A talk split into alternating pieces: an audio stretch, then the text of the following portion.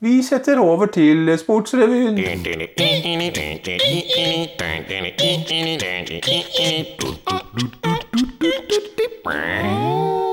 Sett i lys av de nå stadig mer dramatiske historiene som har kommet fram om juks i sjakkmiljøet, så har vi eh, snakket med en som har vært i dette miljøet i lang tid, og har noen eh, grusomme historier å fortelle.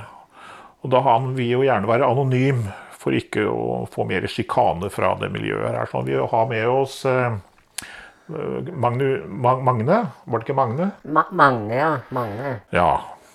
Kan du begynne å starte med denne historien? Når begynte dette? Nei, det har jo kommet fram nå, da. I forbindelse med, de, med, med, med, med juksinga i sjakkmiljøet, så husker jeg jo fra min barndom, da. Jeg tenker på noen yatzy og sjakkspill som jeg syns det var litt uh, merkelig at jeg tapte. Uh, det syns jeg jo. Jeg tenker på det nå sånn i ettertid. Men det var ikke fordi at du var elendig og drittdårlig til å spille, altså? Nei, nei, uten å beskylde noen av mine motspill den gangen for juks sånn direkte, da. Så syns jeg det er merkelig at jeg tapte i spill som jeg liksom lå an til å vinne. Det må ha vært noe som skjedde der, altså. Må det. Hvordan var dette miljøet i dette, denne spillbransjen, eller det var jo et nokså røft yatzy- og ludomiljø den gangen. Hvor det å vinne nok var eh, ganske viktig for enkelte, da. Og det kunne jo overgå liksom den fine gleden jeg selv hadde med å, med, med å spille som sådan. Ja, ja, ja. Men uh, fikk du noe Sa du noe Nevnte du om denne juksinga til andre?